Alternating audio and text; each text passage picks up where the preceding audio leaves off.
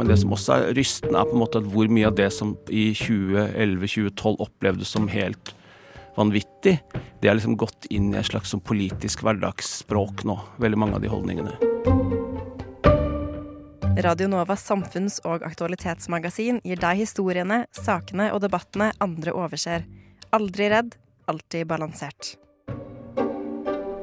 I forrige uke hadde Anders Behring Breivik en rettssak som fikk relativt mye medieoppmerksomhet.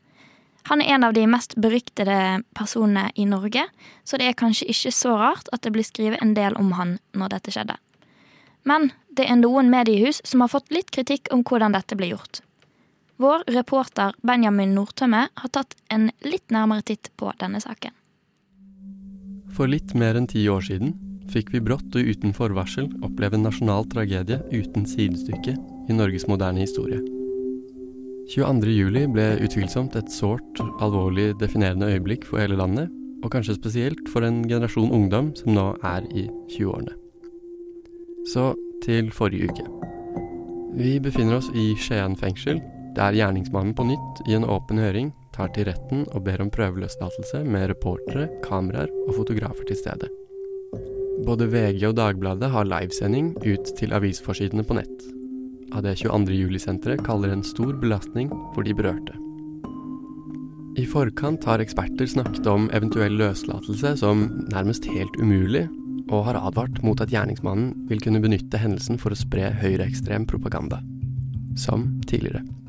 Til liten overraskelse så fremfører gjerningsmannen en nazihilsen og det fremstår som et ganske halvhjertet forsøk på å argumentere for å bli sluppet fri. Gjerningsmannen omtaler seg også som CEO og partisekretær for to helt oppdiktede organisasjoner. Han forsøker å vise frem høyreekstremistiske slagord han printet ut i stor skrift, og bærer klistret på jakken og kofferten idet han ankommer rettssalen. For journalistene som har ansvar for å dekke det som foregår i rettssalen, oppstår det nå et stort etisk dilemma. Hvordan i all verden skal de formidle det som foregår i rettssalen? Og skal de formidle i det hele tatt? Hva er egentlig rettferdig? Vi låner et bilde fra jussens verden. Den romerske gudinnen Justitia er ofte brukt som et symbol og idealbilde for rettssystemet. Justitia er en kvinne med bind for øynene, og det skal symbolisere likhet for loven. I vårt tilfelle har gjerningsmannen lovfestet rett til å søke om å bli sluppet fri.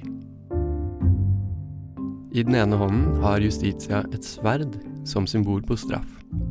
Gjerningsmannen har fått lengste mulig fengselsdom i Norge på 21 år, med mulighet for forlengelse så lenge han er en trussel for samfunnet. Justitia har også en vektskål i sin høyre hånd. Vekten skal symbolisere det å veie ulike hensyn opp mot hverandre. I vårt tilfelle kan vi se for oss at i den ene skålen så har vi den offentlige interessen i å vite hva som skjer med gjerningsmannen i Norges største terrorsak.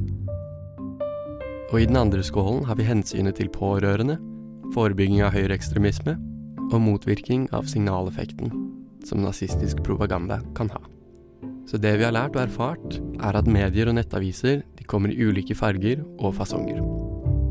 Dagbladet og VG velger seg en kurs med nettopp livesending, der gjerningsmannens slagord og Hitler-hilsen kommer til syne. I NRK, Aftenposten, Morgenbladet og internasjonale mediehus er fokuset litt annerledes. Le néonazi norvégien qui demande sa libération conditionnelle a été jugé toujours aussi dangereux par un psychiatre. The court heard closing arguments in the parole hearing for the anti-Muslim neo-Nazi. Der nyhetsredaktør i Aftenposten, Tone Tveøy Strøm Gundersen, skriver en kronikk med tittelen 'Vi skal informere ikke formidler propaganda.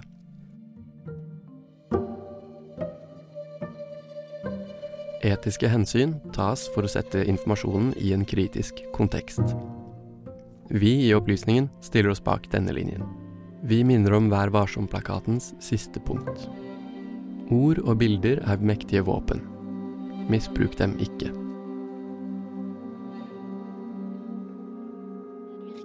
Medvirkende i denne saken var Benjamin Nordtømme.